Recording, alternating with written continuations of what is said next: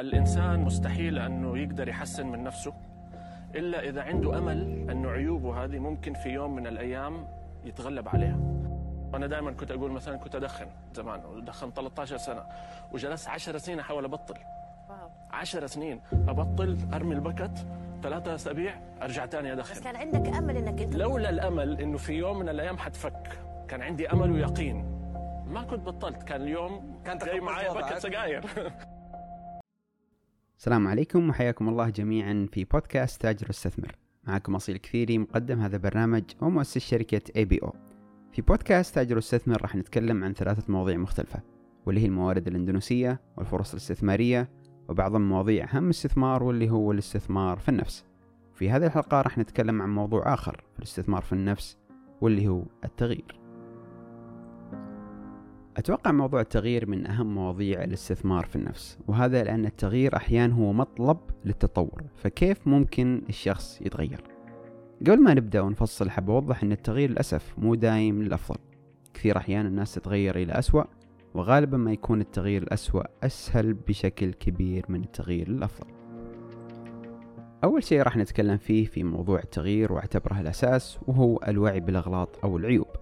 للأسف الكثير من الناس غير واعي على عيوبه وأغلاطه والبعض الآخر عارف ولكن دائما يكون لهم أعذار بأسباب ظهور هذه العيوب أو الأغلاط ودائما يطلع هو الصح. الناس اللي من هذه الأنواع يصعب عليهم التغيير وهذا لأن فكرهم رافض فكرة وجود أي قصور. أفضل طريقة للعلاج هو زيادة الوعي وطريقة زيادة الوعي هنا غالبا ما تكون بالتحليل الشخصي والقراءة والاستفادة من تجارب الآخرين. الحين البعض منكم ممكن يسأل إيش هو التحليل الشخصي؟ وبشكل بسيط هو أن الشخص يحلل مواقفه في يومه يتذكر كلامه ويتذكر ردود فعل الناس من غير ما يغلط أحد. التحليل الشخصي لو طبق بشكل مستمر بيساعدك على تفهم نفسك بشكل أكبر لأن بالمراقبة راح تشوف نمط معين. ممكن من هذا النمط تعرف أغلاطك بشكل أفضل. ومثال عليه الشخص أسلوبه قشر ودائما يستغرب بأن الناس تعامله بشكل مختلف. مجرد ما الشخص هذا يبدأ بالتحليل راح يشوف كثير من الناس لهم طريقة تعامل مختلفة معه أو نمط معين وهذا يبين أن الغلط فيه. مجرد ما يحس بوجوده فهو بيده البدء في التغيير. من أهم الأمور اللي لازم تكون عند الشخص اللي حاب يتغير هو أن التغيير مو سهل. التغيير الأفضل دائما صعب ولكن ليس مستحيل. البعض يبدأ في التغيير فترة زمنية محددة وبعدها يتركها. وأتوقع الكثير مننا شافوا ناس يبدون بعادات حسنة زي الذهاب للنادي مثلا ولكن مع مرور الوقت يستسلمون لصعوبة التغيير. فلازم تعرف أن التغيير صعب ولكن لازم تكون في محاولة مستمرة للتغيير. هذا شيء.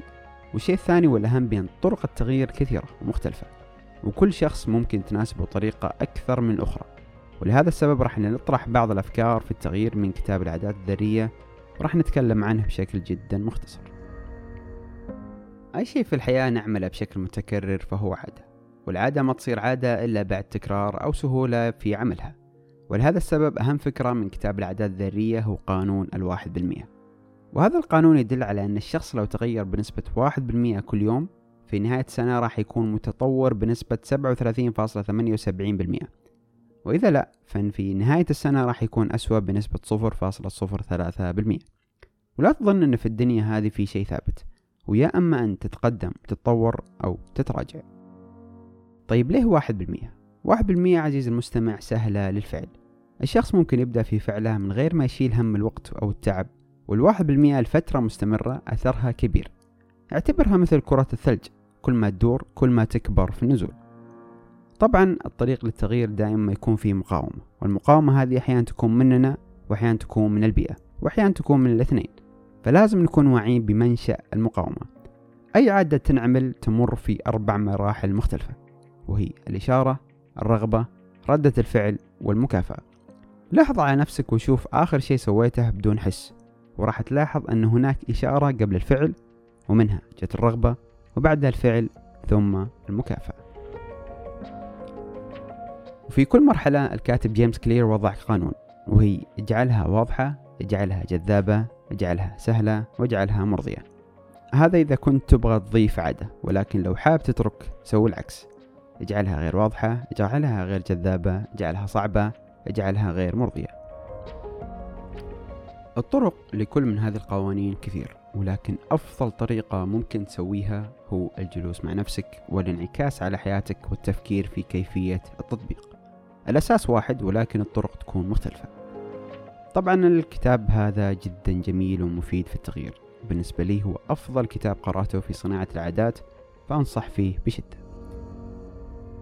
أتمنى الحلقة البسيطة هذه فادتك. وفي الختام ندعي ونقول عسى ربي يسعدنا ويبارك لنا ويرزقنا من حيث لا نحتسب. السلام عليكم.